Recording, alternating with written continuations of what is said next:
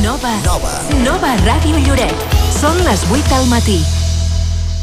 Molt bon dia a tothom. Alba Portabella, Leia Codina, Carlota Crespo i Núria Perea ja són les noves obreres de Santa Cristina.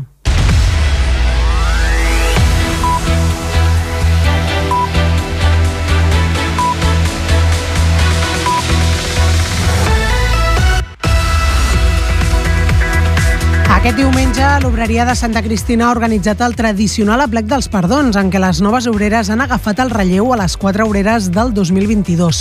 Un relleu que s'ha oficialitzat en el marc de la missa solemne i la jornada s'ha complementat, com sempre, amb la rosada popular del Xino-Xano. Nosaltres hem estat presents a la celebració i hem pogut parlar amb les quatre obreres a qui escoltarem el Bon Dia Bona Hora d'avui. És el nostre tema de portada d'aquest dilluns 6 de març. Molt bon dia a tothom, benvinguts al Bon Dia Bona Hora Tenim un programa molt, molt, molt farcit de contingut i el coneixem ara mateix fent-ne un repàs amb en Josep Altafulla. Molt bon dia, Josep. Bon dia, Maria. Aquesta tarda es farà el ple extraordinari en què Jaume Dolçat farà efectiva la seva renúncia al càrrec d'alcalde de Lloret de Mar. Qui n'agafarà el relleu serà Albert Robert. Donarem els detalls de la sessió que es podrà seguir en directe a través dels diferents canals de Nova Ràdio Lloret. Durant les properes setmanes es faran obres a la terminal d'autobusos per reparar-ne el ferm i això provocarà que estigui tallat a la circulació de vehicles l'últim tram del carrer Enric Granados entre l'Avinguda Vila de Blanes i el carrer Verge de Loreto. Aquest punt serà per on entraran i sortiran els busos de l'estació. També entrevistarem a Maite Rodríguez com a representant de l'Aurora per conèixer amb tot detall els actes que ha programat l'entitat aquest any per commemorar el Dia Internacional de les Dones que arriba aquest diumenge 8 de març. Lloret de Mar eh, va commemorar dissabte el Dia Mundial de la Protecció Civil i avui explicarem com anar aquest acte commemoratiu. També explicarem que l'Ajuntament de Lloret ha incorporat 8 persones a través del programa Treball i Formació.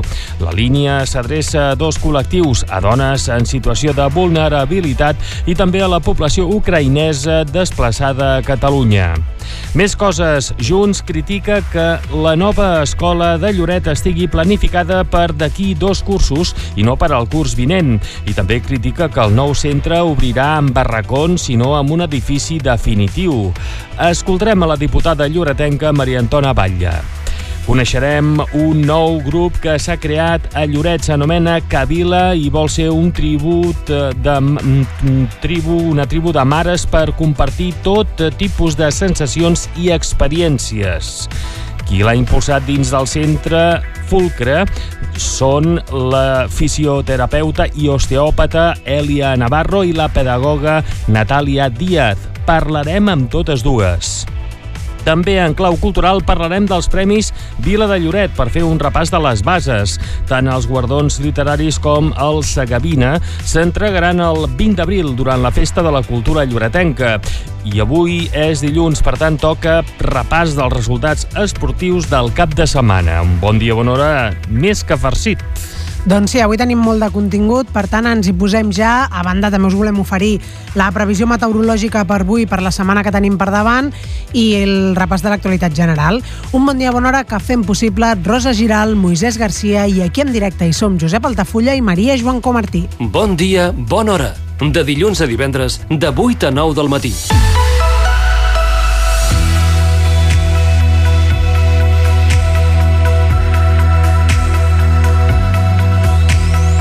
Les 8 i 4 i és moment de saludar en Miquel Bernis amb tots els detalls de la previsió meteorològica. Miquel, molt bon dia. Bon dia, hem començat setmana amb un ambient cada cop menys fred. Encara la mínima aquesta matinada ha sigut inferior als 10 graus. Cal abrigar-se encara per sortir de casa, però eh, comencem una setmana en la qual els termòmetres canviaran totalment i passarem d'un ambient que ha sigut encara molt d'hivern en aquests primers dies de març a un ambient que serà gairebé d'estiu de cara als pròxims dies, sobretot al cap de setmana i l'inici de la setmana que ve.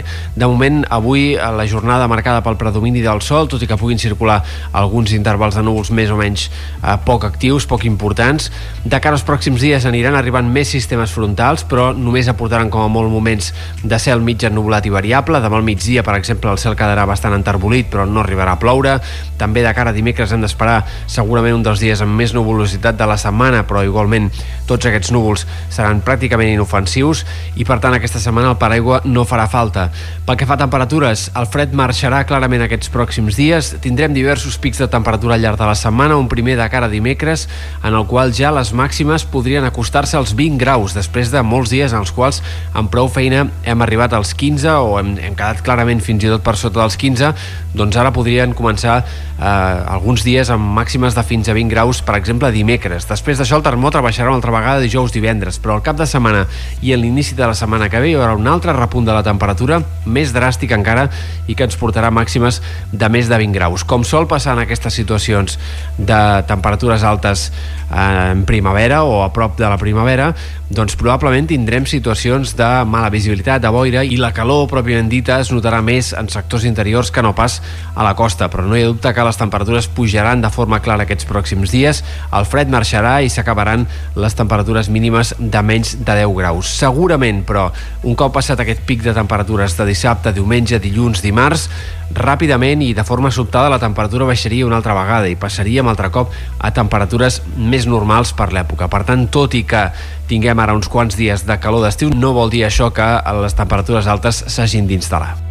Doncs el que hem de seguir fent és no tocar gaire l'armari i tenir roba de totes les èpoques amb aquest temps boig que, que tenim. Miquel, moltes gràcies. I si fem un cop d'ull al termòmetre ara mateix, només tenim 5 graus a Lloret i la humitat al 90%.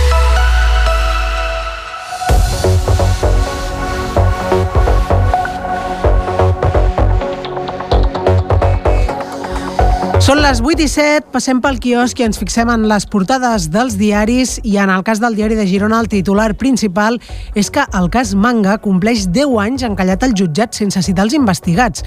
La jutgessa va ser expedientada per dilatar els terminis de les investigacions. Recordem que aquest cas afectava el Consell Comarcal de la Selva. L'advocat Carles Munguilot demanarà l'arxiu del cas perquè ja han prescrit els delictes.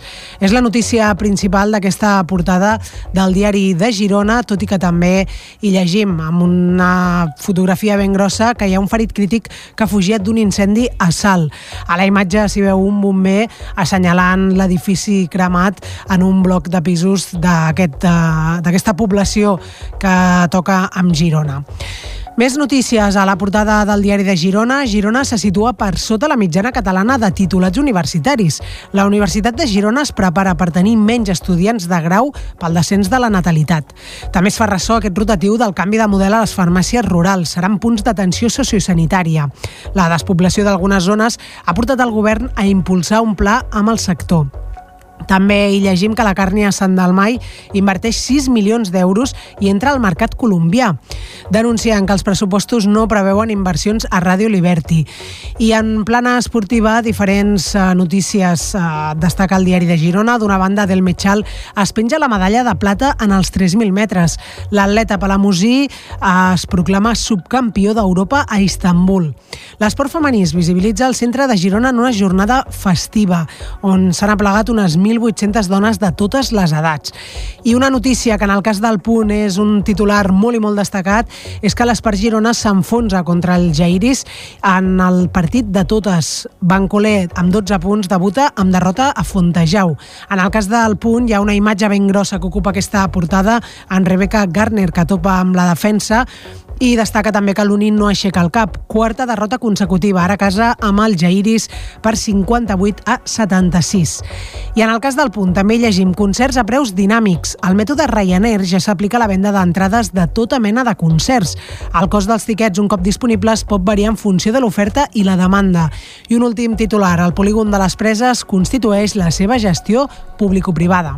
El principal titular que destaca de la resta de premsa escrita ara és el que llegim directament de la pròpia portada ABC. Les empreses de Tito Berni reben 150.000 euros en ajuts i amb una fotografia il·lustrativa a tota plana, Sánchez aspira a conquerir les alcaldies de Barcelona i València. La Razón eh, destaca en la seva primera plana la informació que Moncloa negocia in extremis amb Montero, mentre que El Mundo diu que Feijó es distancia de Sánchez i compensa la patacada de Vox. La Vanguardia, PSOE i Podem eh, arriben enfrontats al 8M per la llei del només sí és sí. I El Periódico de Catalunya avui destaca que les aliances a esquerra i dreta decidiran el duel Sánchez-Feijó. Doncs això diuen les portades. També ens volem fer ressò la jornada d'avui que un ciberatac a l'Hospital Clínic aquest diumenge ha afectat els serveis de laboratori, farmàcia i urgències. S'han desprogramat operacions no urgents, consultes externes i extraccions i s'han ajornat les sessions de radioteràpia oncològica. Els informàtics treballen contra rellotge per de, solucionar aquest problema i obrim plana de successos amb una tràgica notícia també d'aquest diumenge. Tres menors han mort en un accident al Parelló quan el cotxe en què viatjaven caigut per un barranc. Dels quatre ocupants del vehicle han mort els tres menors que eren adolescents, mentre que el conductor de 19 anys està ferit crític i ha estat traslladat a l'Hospital Vall d'Hebron. Tots quatre jugadors del club de futbol Camarles anaven a veure un partit del filial del club. Han trobat a Puerto Rico una dona desapareguda fa 30 anys a Pensilvània. La dedicació d'un treballador social d'una residència d'avis ha aconseguit identificar una persona desapareguda durant dècades i fer que es retrobi amb la seva família. Seguim amb més qüestions. Tots els éssers vius tindrien un sisè sentit per orientar-se amb els camps magnètics. Una recerca ha descobert les propietats magnètiques d'una molècula present a totes les cèl·lules que s'afegeix a la més específica coneguda fins ara. L'ONU ha tancat un acord per protegir els oceans després de 15 anys de negociacions. El text consensuat posa les bases perquè es compleixi la promesa internacional de preservar almenys el 30% dels oceans l'any 2030, creant zones marines protegides. També en clau internacional ens fixem en la Xina, que preveu un creixement econòmic moderat i més despesa en defensa aquest any. En l'Assemblea Anual Xinesa, el president Xi Jinping va liderar un tercer mandat durant el qual vol acabar amb la política de Covid-0 i prioritzar l'estabilitat econòmica. En plana cultural, destaquem que la pel·lícula Everything Everywhere All at Once, traduïda com a Tota la vegada, tot arreu, ha resat als Spirit Awards, a més, a només una setmana dels Oscars. La comèdia s'ha endut els set premis a què estava nominada, entre els quals el de millor pel·lícula, millor director i millor muntatge. I en esports, el Barça va guanyar ahir el València per 1 a 0, tot i patir, fer un mal partit i patir de valent. Per la seva banda, el Madrid no va aconseguir superar l'empat al camp del Betis, eh, on va quedar 0-0 i ha quedat a 9 punts del Barça. I qui ha encaixat una derrota dura és l'Espanyol. Ha estat al camp del Valladolid per 2 a 1 i això col·loca els de Diego Martínez a només dos punts del descens. I acabem parlant de la Fórmula 1 on Max Verstappen i Checo Pérez no han donat cap oportunitat als seus rivals i han arrasat el, prem, el primer gran premi de la temporada. El podi l'ha completat Fernando Alonso, que ha fet eh, història als seus 41 anys, ja que ha aconseguit una gran remuntada des de la setena posició. I amb aquesta notícia posem punt final a l'actualitat general quan són les 8 i 13.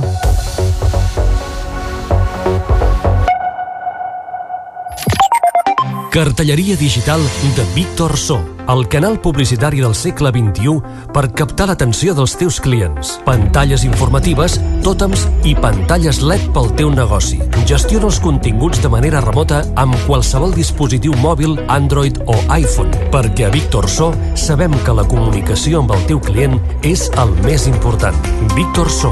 Ens trobaràs a l'Avinguda Vila de Tossa 5052 de Lloret de Mar. Telèfon 972 36 41 14.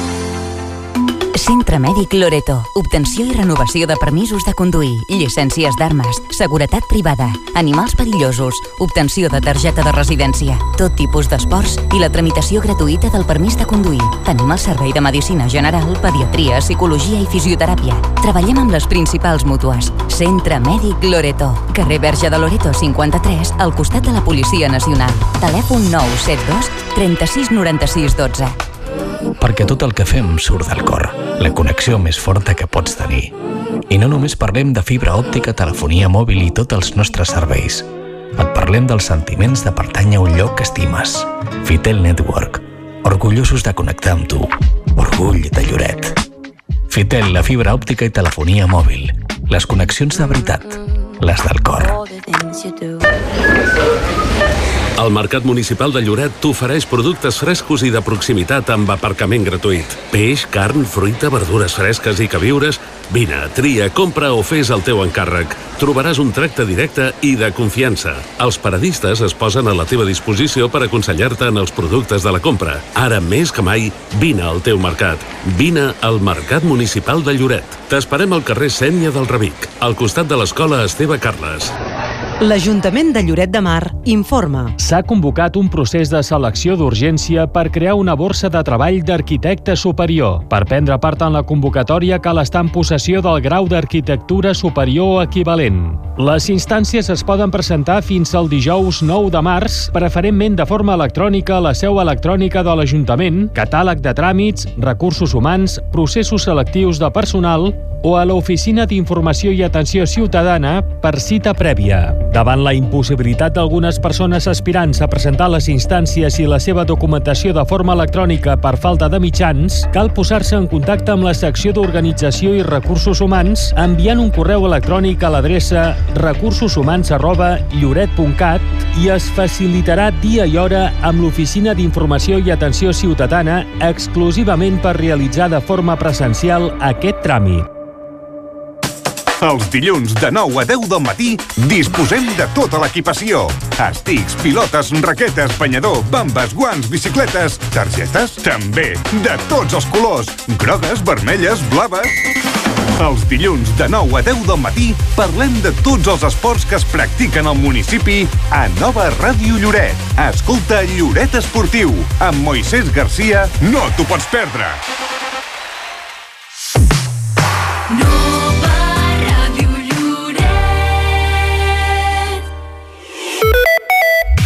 dia, bona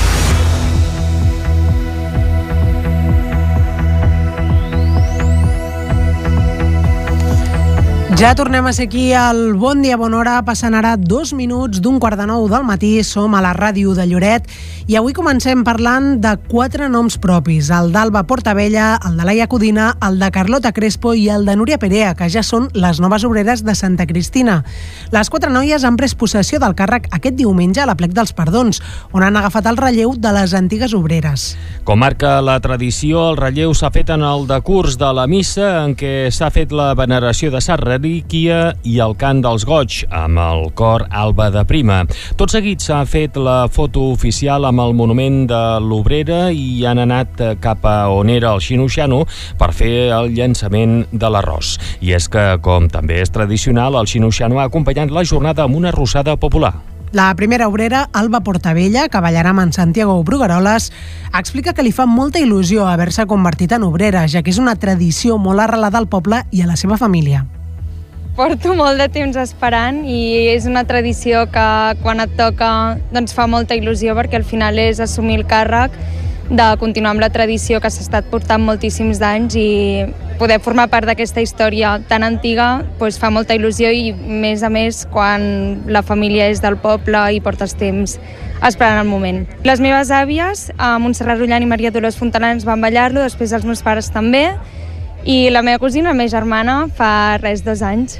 Llavors, per mi també fa molta il·lusió poder seguir la tradició, tant al poble com a la meva família.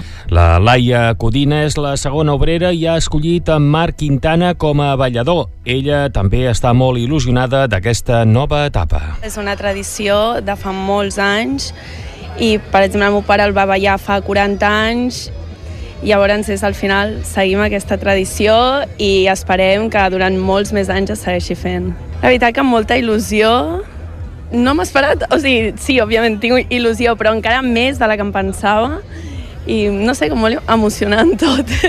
La tercera obrera és la Carlota Crespo, que ballarà amb en Pol Franquet. En el cas de la Carlota, ella és la primera noia de la seva família que és obrera, però assegura que això encara l'ha motivada més. És una tradició de molts anys, és una tradició que des de petit d'una manera o una altra has viscut i són molts anys d'escriure les cartes, de poder optar a ser obrera i ara que som aquí és tota la il·lusió acumulada de tots els anys explotant i podem viure, poder viure això nosaltres. A diferència d'elles, ningú a la meva família l'ha ballat, sóc la primera Llavors això per mi també ha sigut un punt de motivació més que m'ha fet voler ballar al Ball de Plaça i estar avui aquí. La Núria Perea és la quarta obrera i l'acompanyarà en Guillem Frank. Assegura que, com a lloretenca, és tot un honor poder formar part d'aquesta part de la història del poble. Al final és una que et fa molta il·lusió, que has vist sempre des de petit, que quan ho vius a prop a casa és com que encara tens més ganes i, i és com un honor també, de, com a lloretenc, doncs, poder formar part d'aquesta història de festa. Doncs al final eh, bueno, representa estar al costat de l'obreria durant tot un any i això vol dir doncs, eh, fer al costat de l'obreria doncs, una sèrie d'actes que, que, que aniran passant a partir d'ara. Ara les nostres companyes ens ha passat el relleu i, i res, que ens espera un any aviam, no sé, de seguir aquesta aventura, a veure què tal. Tal com ha explicat la Núria Perea, les tasques de les obreres van més enllà de ballar al Vall de Plaça a la Festa Major i durant el proper any hauran de representar l'obreria de Santa Cristina en diferents activitats. Bon dia, bona hora de dilluns a divendres, de 8 a 9 del matí. Seguim ara amb una qüestió ben diferent. Obrim plana política quan són les 8 i 21 minuts perquè aquesta tarda es formalitza la renúncia de Jaume Dolçat de Junts per Lloret com a alcalde de Lloret. Serà en un ple extraordinari que començarà a les 7 de la tarda. Dolçat, que ha estat al batlle de la vila durant 8 anys, ha anunciat que plega per motius professionals que li demanen incorporació immediata, una feina que no li permet la dedicació que requereix l'alcaldia. Jaume Dolçat fa un balanç positiu del seu pas per l'alcaldia de Lloret, una etapa que qualifica d'intensa i enriquidora en l'àmbit personal. Vuit anys són, són justos, eh, són suficients, són, són molt, bueno, i, i per tant doncs, eh, no em vaig amb el, amb el cap ben alt, ben content, ben agraït, ben, ben orgullós i ben tranquil també de la feina que puc fer. Jaume Dolçat reconeix que els darrers quatre anys han estat complicats per a Lloret, amb un atac informàtic contra l'Ajuntament, el temporal Glòria, la pandèmia del coronavirus i la guerra d'Ucraïna, que ha fet desplaçar moltes persones fins a la vila. També destaca Jaume Dolçat les oportunitats que generen per Lloret amb els prop de 13 milions d'euros que es rebran amb els fons europeus Next Generation. La seva renúncia es formalitza en el ple d'aquest dilluns 6 de març. La previsió és que Jaume Dolçat continuï a l'equip de govern com com a regidor sense sou fins a acabar el mandat. Un cop ja no sigui l'alcalde, el substituirà el primer tinent, Albert Robert. Serà l'alcalde en funcions fins que es nomeni el nou batlle en un ple d'investidura que s'ha previst pel 15 de març. Bon dia, bona hora. De dilluns a divendres, de 8 a 9 del matí. I atenció, perquè durant els propers dies estarà tallat l'últim tram del carrer Enric Granados, entre l'Avinguda Vila de Blanes i el carrer Verge de Loreto. El motiu és que avui comencen unes obres a la terminal d'autobusos per reparar-ne el ferm. La regidora de Mobilitat, Lara Torres, explica que els treballs van a càrrec de la Generalitat i que mentre durin les obres, els vehicles no podran circular per aquest carrer perquè serà el punt d'entrada i sortida de busos. Per fi hem aconseguit que la Generalitat repari el paviment de la terminal d'autobusos i eh, les obres duraran aproximadament tres setmanes. Mentre durin, el carrer Enric Granados només estarà permès per entrar els autobusos. La previsió és que les obres durin unes 3 setmanes i cal tenir en compte que els vehicles que vulguin arribar a la comissaria de la Policia Nacional o a l'aparcament de l'estació d'autobusos ho hauran de fer a través del carrer Vicenç Bou.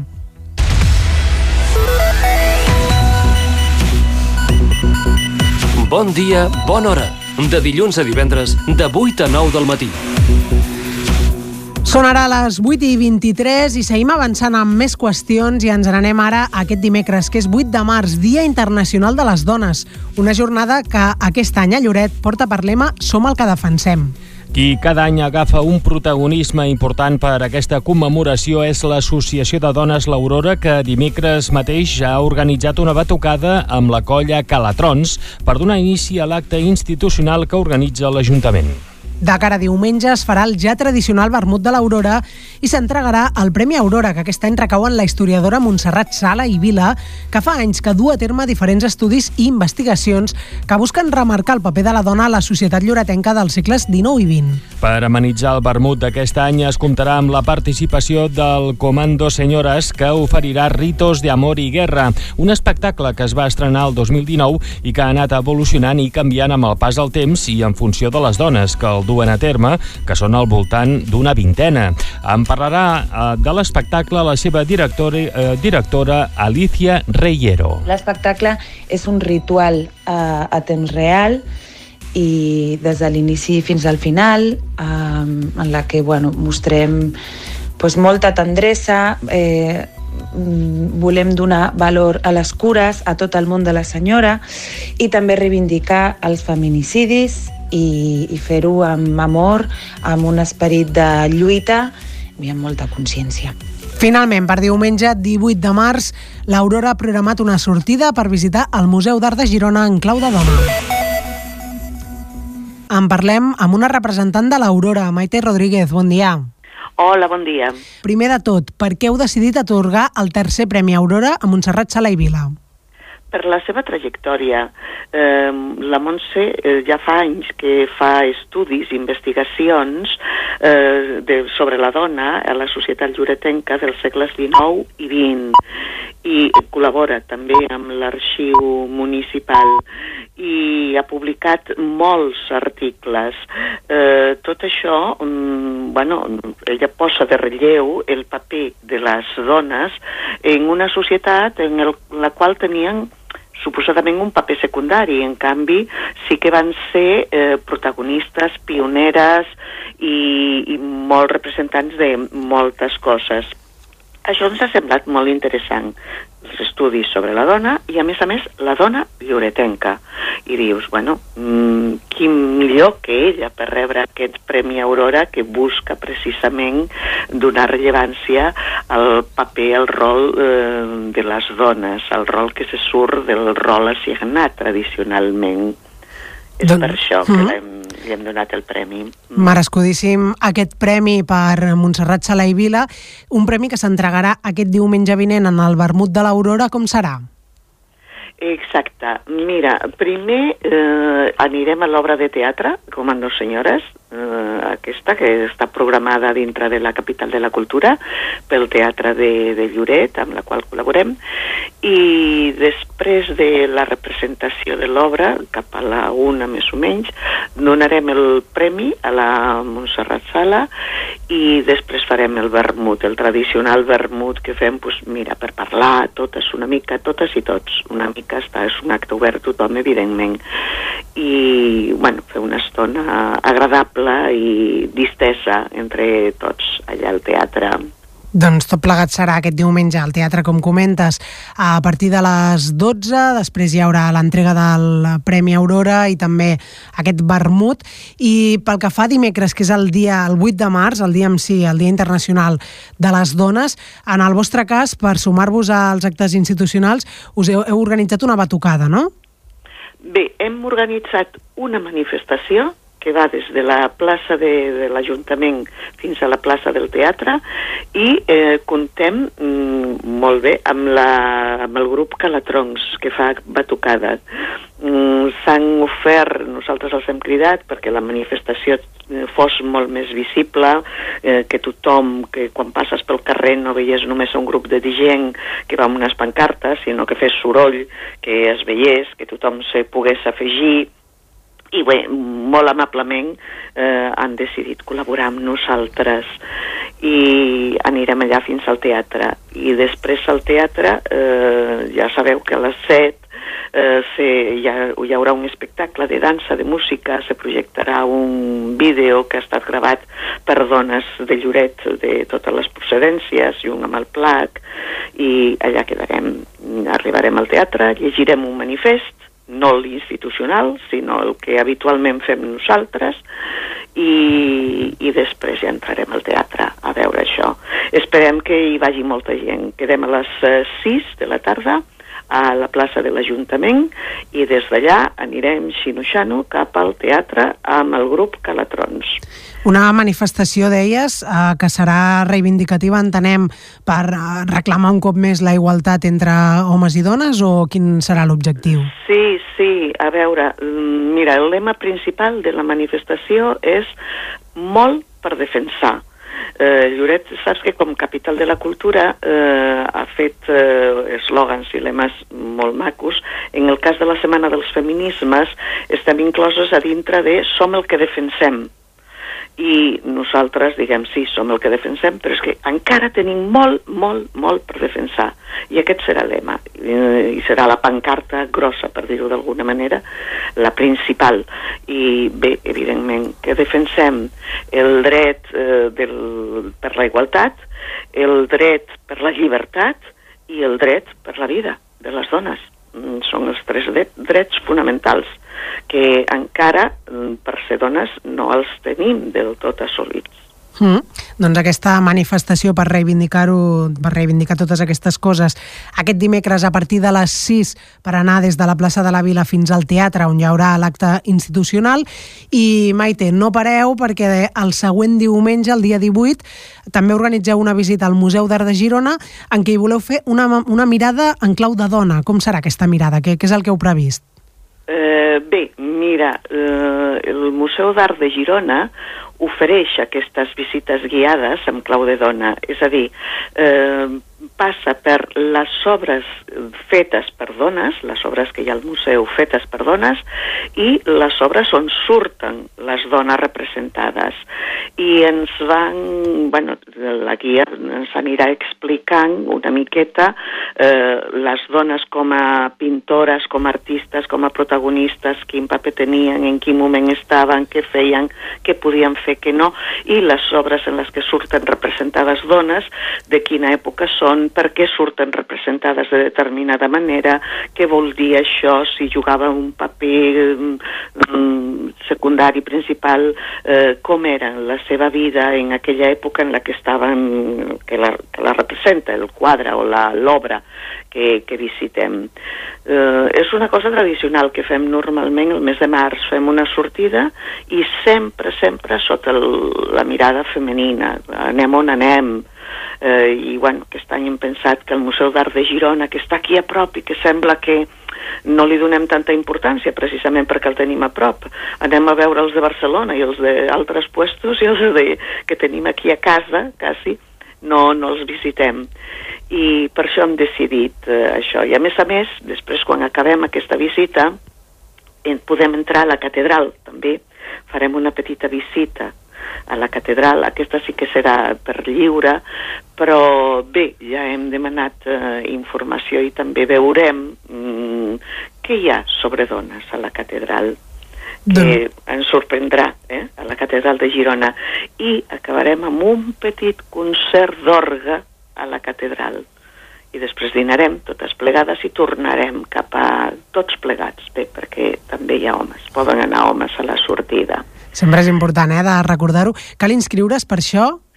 Sí, sí, cal inscriure's perquè les places són molt limitades i perquè no podem anar més de 25 persones allà a la visita guiada i eh, per fer les inscripcions, per formalitzar-les, s'ha d'anar al secretariat del Banc del Temps, que tothom sap que està al primer pis de la biblioteca municipal, i l'horari d'obertura és els dimarts i dimecres de 6 a 7. Bé, perdó, aquest dimecres no n'hi haurà secretariat, perquè estarem totes a la... Com que som l'Aurora que obrim el secretariat, estarem totes a la manifestació. Clar. O sigui que estarà tancat aquest dimecres. Eh, el dimarts, de 6 a 7, o bé el divendres, mm, de 11 a 12. Doncs queda dit.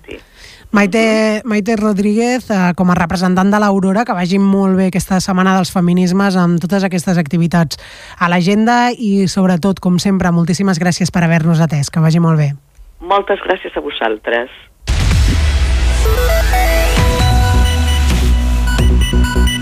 Bon dia, bona hora. De dilluns a divendres, de 8 a 9 del matí.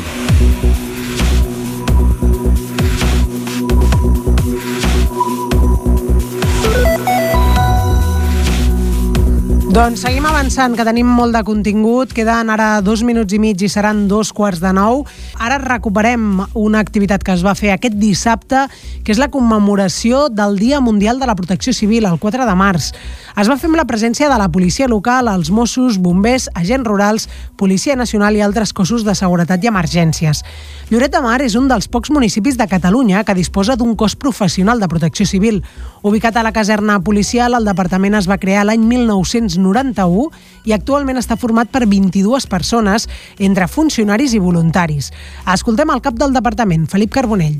L'ordre de, de, de l'exigència és pràcticament, és pràcticament la mateixa. Eh, intentem que, que rebin la màxima formació i que l'única distinció entre que pugui haver-hi entre un voluntari i un funcionari, en aquest cas, doncs, eh, sigui doncs, bé, eh, el, el que és el, el, el tema de la remuneració el regidor de Seguretat, Jordi Saiz, exposa la feina que fa Protecció Civil, que qualifica de totalment necessària. Es fan el control del que és la, tota la zona forestal del municipi, que és molt extensa i molt ampla.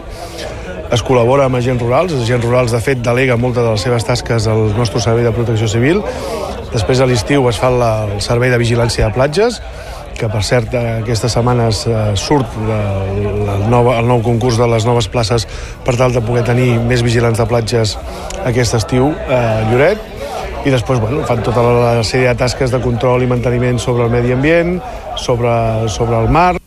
El departament compta amb una petició per entrar al personal voluntari. Aquests dies, a més, s'han publicat les bases per crear una borsa de treball de, de quatre vigilants de platges que estaran adscrits a Protecció Civil i el departament acaba de renovar el seu vehicle més antic i aviat farà el mateix amb la barca.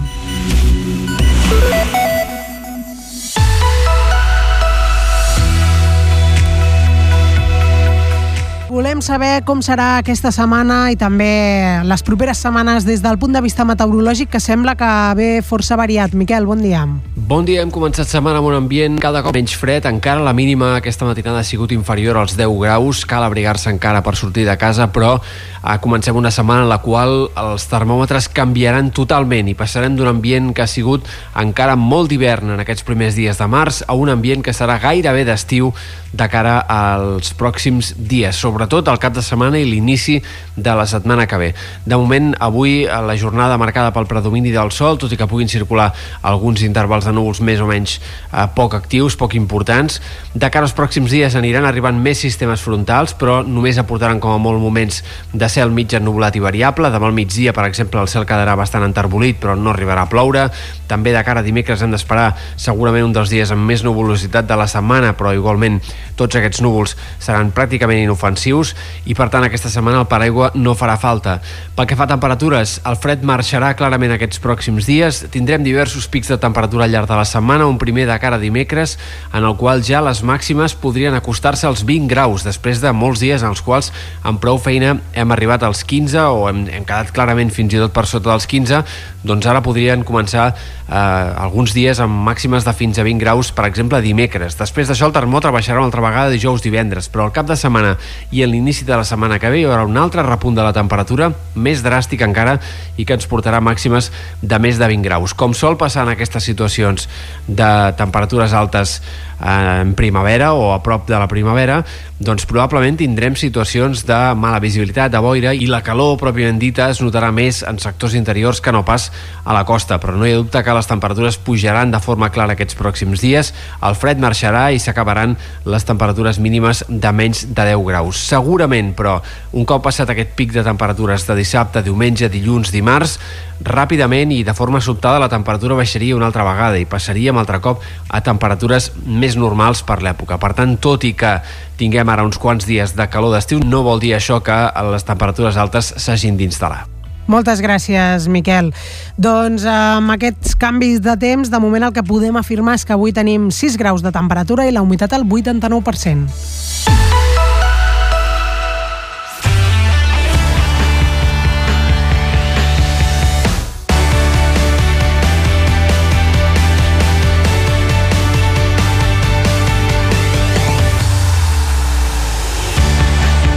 I amb aquesta sintonia obrim la plana esportiva aquí al Bon Dia Bona Hora a 4 minuts de 3 quarts de 9. Fem un repàs dels resultats del cap de setmana en què el club de futbol Lloret no va poder tornar amb un resultat positiu en el seu desplaçament al camp del líder de la primera catalana, el Futbol Club L'Escala, i va caure per un contundent 4 a 1. Tot i avançar-se en el marcador, els rivals van ser més efectius i van quedar-se als 3 punts. Narcís Caballero en el minut 14 de la primera part va fer el 0-1 pel conjunt lloretenc, però l'escala va empatar en el 26 per mitjançar de Nil Congost. En el segon temps van arribar tres gols més dels rivals en accions de Pau Moré, Ignasi Massó i Mohamed Abovas. És una derrota que deixa el club de futbol Lloret situat en el cinquè lloc de la classificació amb 31 punts. També en futbol, a la segona catalana, la Juve Lloret va superar el Masnou per 3 a 2 a la penúltima jornada de la primera fase. El capità Mateo Rodríguez va fer el gol del triomf a l'últim minut. La Juve es va avançar en el primer temps amb dos gols per mitjà de Luciano Uran i Luis Cabrera, però els rivals van empatar la represa i tot es va decidir a l'últim minut amb un gol de Mateo Rodríguez que va deixar els 3 punts a Lloret. Amb aquest triomf, la Juve acaba la jornada cinquè amb 27 punts. Seguim el repàs amb el Club Hoquei Lloret, que va caure derrotat a la pista del Vendrell per un marcador de 4-3 a la setzena jornada de l'Hoquei Lliga Plata. L'equip entra d'aquesta manera en una mala dinàmica dinàmica de resultats amb tres derrotes consecutives. Va ser un partit molt igualat en què els homes de Xavi Cabanes van marxar al descans guanyant per 1-2 gràcies a les dianes de Xavier Pérez i Pol Auguet. En la represa, el Vendrell va empatar, però els lloretencs es van tornar a avançar per mitjà de nou de Pol Auguet. Tot i això, no van poder mantenir el triomf i van acabar perdent. És una derrota que deixa el Club Hoquei Lloret en el cinquè lloc de la classificació amb 29 punts. Entrem ara en el món del bàsquet on el sènior masculí del bàsquet Lloret va superar el Maristes a Demar per un marcador de 56 a 63 a la 18a jornada de la Copa Catalunya. D'aquesta manera, els homes de Marc Siurana van aconseguir la desena victòria de la temporada. El millor període dels lloretencs va ser el primer en què van aconseguir un parcial d'11-20 que els va ajudar en la resta de l'encontre, que va ser molt igualat i que no es va decidir fins al final. Amb aquest triomf, l'equip acaba la jornada situat a la quarta posició amb 28 punts.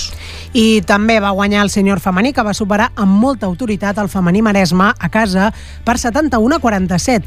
Va ser la 18a jornada de la primera catalana. Les jugadores de Dami Sosa es van imposar des del primer període en què van aconseguir un avantatge de 9 punts i a partir d'aquí no es van deixar sorprendre en cap moment. És una victòria que fa que el bàsquet Lloret es situï en el cinquè lloc de la classificació amb 27 punts.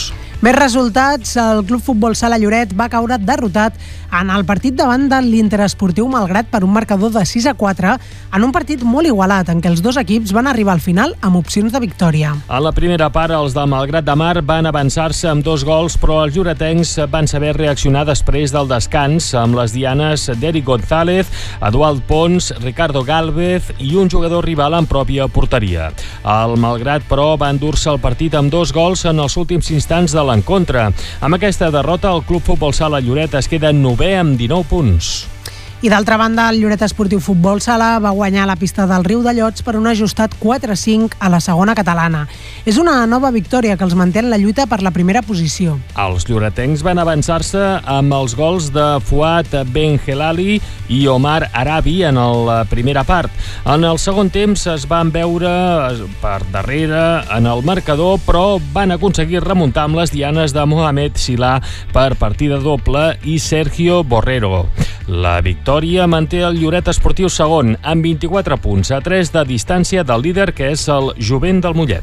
Acabem el repàs amb la victòria del Club Voleibol Lloret a la segona jornada de la fase de permanència. Va ser per un 0 a 3 a la pista del Torre de Claramunt.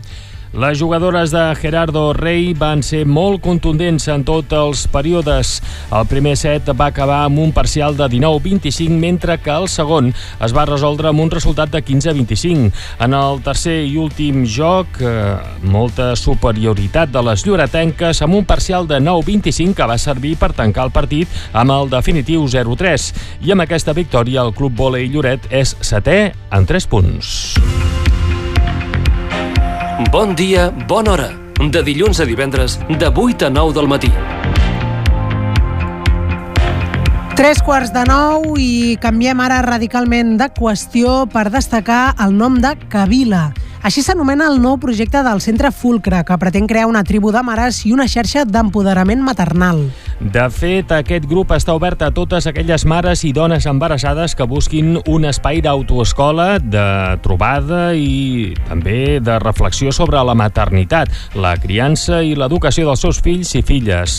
Per donar a conèixer el projecte s'han organitzat dues xerrades obertes a tothom, dimarts 14 de març a dos quarts d'onze del matí i divendres 17 a dos quarts de 4 de la tarda.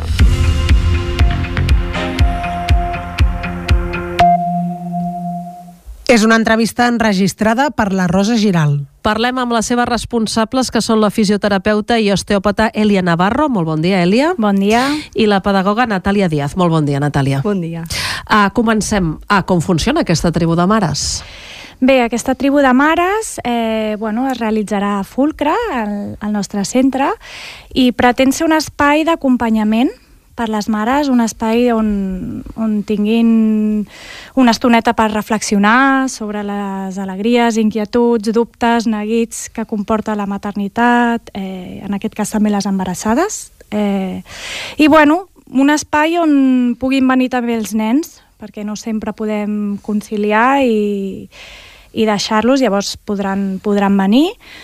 I tot anirà molt enfocat també a l'evolució del propi grup, eh, les inquietuds que vagin venint i bueno, proposarem dinàmiques també d'escolta corporal, que és una miqueta el que, el que em dedico jo, doncs eh, el poder escoltar-nos, poder sentir tot el que ens està passant i com ens està afectant també el cos i no sé, Natàlia, si vols dir sí. alguna cosa més. Uh, el que ha dit la Elia i llavors el que prepararem serà un espai pels infants perquè el que ha dit ella no, és superimportant um, aquest acompanyament de dir, bueno, pel fet de ser mare uh, també haig de tenir aquests espais de, de, de, de poder dir què faig amb el nen, no puc venir perquè el tinc, amb la nena, què faig? Llavors uh, prepararem un espai de, de joc uh, de manera lliure en el que mentre que estem xerrant no? i estem parlant i ens estem empoderant i estem compartint els neguits i tot això, ells tinguin un espai uh, creat per, perquè puguin um,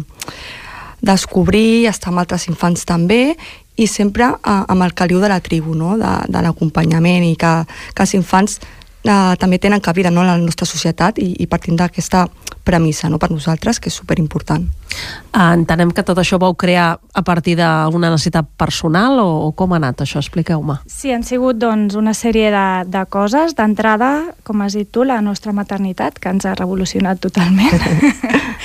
Però també les nostres feines. Eh, jo em dedico al postpart, sobretot al, en el treball de la dona a nivell físic, però bueno, a les sessions surten moltes coses, la gent explica moltes coses, faig també classes d'hipopressius i bueno, al final es generen estones on, on, on sorgeixen aquestes inquietuds i, i m'adonava que tot el que m'explicaven jo ho havia sentit i altres mares que m'han explicat ho havien sentit i pensava, eh, per què ens sentim tan soles? expressant, eh, quan en veritat sentim el mateix que moltes altres mares, no? Eh, I és injust que et quedis amb aquesta soledat o amb aquestes sensacions el que, el, el que això que m'està passant només em passa a mi. Llavors va sorgir molt d'això i a través de conèixer la Natàlia, les nostres nenes a la llar d'infants, doncs van patir aquest procés, no? Sí, sí aquesta, aquesta soledat que, que queda com oculta, no? que la societat no parla, no? I, i també que fa que la dona tingui una càrrega mental, no? que sigui invisibilitzada, no? I, i dir, re, realment la realitat és aquesta, no? Tenim aquesta vessant i després jo sóc educadora infantil de 0 a 3 i també m'arribaven aquests, aquestes mateixes, el que deia ell ja no era en plan, uau, no? o sigui, realment necessitem no? crear un espai de tribu, d'acompanyament, de, de posar veu a la dona que a vegades queda silenciada darrere, perquè som mares, però som dones també, uh -huh. no? i aquesta idea era molt important. La idea és formar un grup de mares no? amb, aquestes, no? amb aquesta situació. Aquest grup sempre ha de ser el mateix? Pot canviar? Es pot anar afegint gent? Com, com, anirà, com anirà això? Bueno, t'explico una mica l'evolució perquè teníem una idea, no? Eh, volíem fer un, un grup on estiguessin embarassades i fins amb mares, fins a nens d'un anyet, perquè més o menys les necessitats, inquietuds, aquesta revolució del principi és, és molt heavy, molt, molt important, eh, i després fer un altre grup doncs, amb mares amb nens més grans. Però és que ens ha sorgit un, un nou grup o una... La, aviam, la maternitat dura per tota la vida i s'han posat en contacte mares doncs, de nens adolescents, mares amb fills adults. I te n'adones que eh, elles han sentit aquesta soledat que nosaltres et parlàvem, eh, aquesta càrrega mental la portes tota la vida. Llavors, bueno, potser no, no barrejarem, però sí plantejarem pues, segons la gent que es posi en contacte amb nosaltres. Sí. Una mica sobre la marxa, no? Veure Una com, a veure com va, marxa. no? Sí que et dic que seran grups reduïts, l'espai és el que és i volem que sigui que hi hagi aquest caliu sí. que deia la Natàlia. Mm. Màxim 7, 8 persones per grup i tenim en compte això, no? Òbviament no, no farem un grup que hi hagi una embarassada potser amb una mare d'entrada, eh, amb una mare d'adult, perquè les, el cicle de, la, de vida és, és diferent, però sí que és veritat que, que hi haurà sessions que ens organitzarem totes juntes, farem tallers, etc que sí que serà com, com més global. Uh -huh. uh, el nom d'aquest nou projecte del Centre Fulcre és Kabila. D'on ve aquest nom? Sí. El nom de Kabila és, és, eh, significa tribu en Swahili i va sortir de la idea aquesta per nosaltres, no? partíem de, de la fresa aquesta que molta gent haurà escoltat, no? del proverbi africà aquest que diu uh, per a criar un, un infant fa falta una tribu sencera, no? Llavors parlàvem d'aquesta idea de, de la soledat aquesta, no? Invisibil que queda dintre, però la necessitat de, de, les, de, de la comunitat, no? de que realment sempre s'ha educat en, en comunitat, en tribu. És veritat que, que amb, amb la globalització no? I, i les famílies nuclears, no? que hem deixat de banda les famílies més extenses i tot això, cada cop és, tendim més a la soledat, però és veritat que sempre hi ha hagut mares que han ajudat altres mares i, i partíem d'aquesta idea de, de dir hem de, de tornar no? a, aquestes arrels, aquesta arrel de de la saviesa de, de l'adult, de, de, de la persona que ja ha sigut mare, no? potser no tenim les, els mateixos ideals, no? els mateixos valors, perquè nosaltres vivim en una societat que la informació la tenim ara i les nostres mares no la tenien, i que potser això tampoc juga a favor nostre i que això fa que aquesta soledat, aquesta sobrecàrrega vagi més, més, més, més amunt, però sí que és veritat que, que que a la fi som una comunitat, no? I, i tenir una mà que te digui a mi m'ha passat això, no estàs sola, um, ajuda molt, no? Per exemple, l'Eli i jo ens vam trobar en una etapa una mica complicada, no? Que per, per,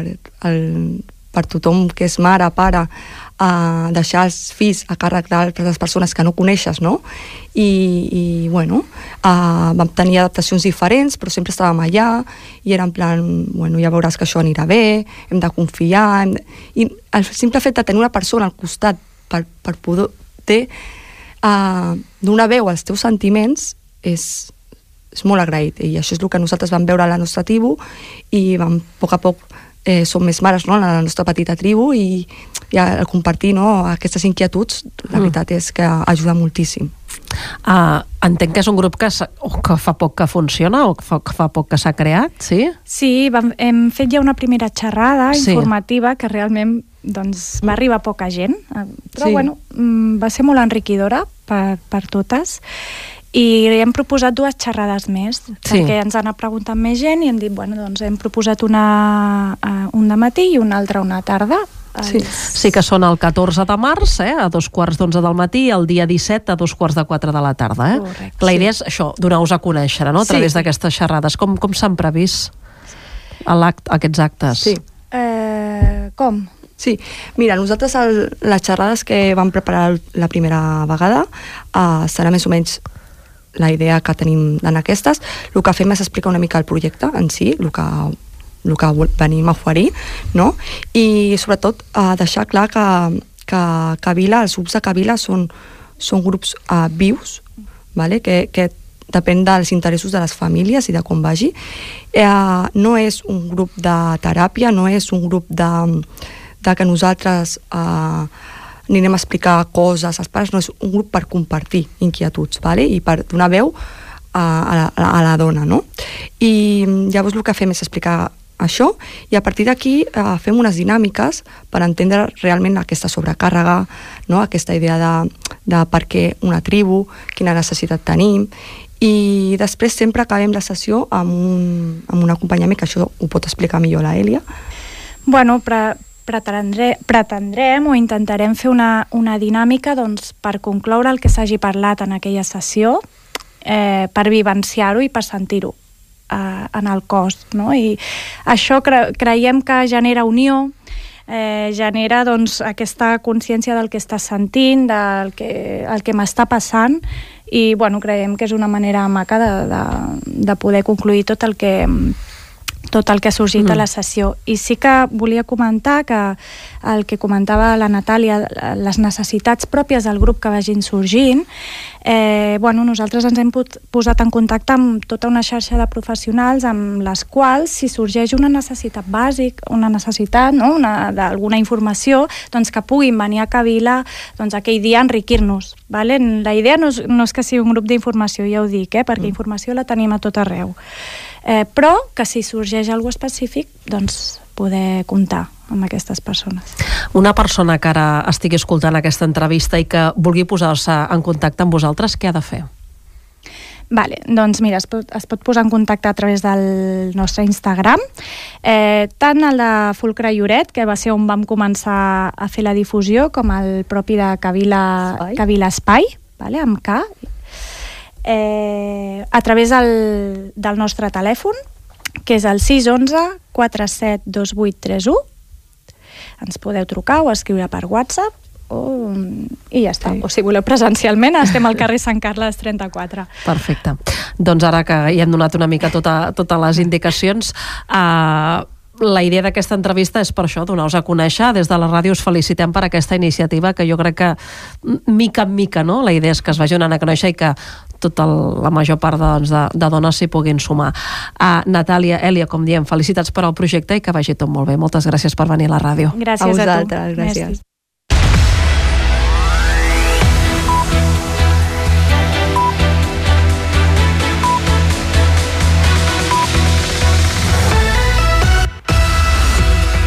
Dos minuts per les 9 del matí. Abans d'acomiadar-nos, volem recordar que arriba la 19a edició dels Premis Vila de Lloret i l'Ajuntament ja ha publicat les bases. Com sempre, hi ha diverses categories segons la modalitat del text i l'edat dels participants. Això sí, la temàtica en comú és la literatura de viatges.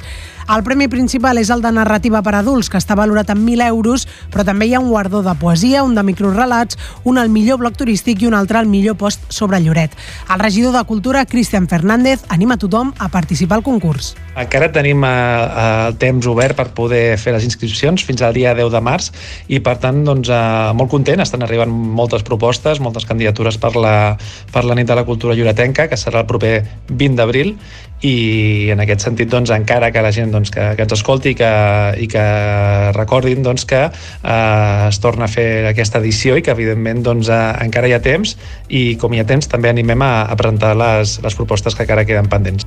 Com ha dit el regidor, els premis s'entregaran el 20 d'abril a la Festa de la Cultura Lloretenca, on també es lliurarà el Guardó Sagavina, que reconeix una persona o entitat que hagi destacat per algun aspecte en l'àmbit cultural. I fins aquí el Bon Dia Bona Hora. Ha quedat alguna cosa al tinter, però la tindrem als serveis informatius i també a la nostra pàgina web. Nosaltres ara ho deixem aquí perquè és dilluns i toca el Lloret Esportiu amb en Moisès Garcia, que repassarà tota l'actualitat esportiva del municipi. Per part del Bon Dia Bona Hora, torna demà a les 8 en punt del matí, com sempre. Moltíssimes gràcies per ser-hi i que passeu un molt bon dia.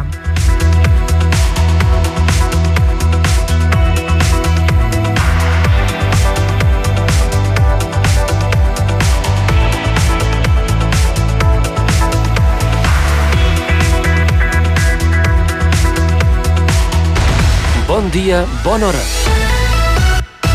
De dilluns a divendres, de 8 a 9 del matí.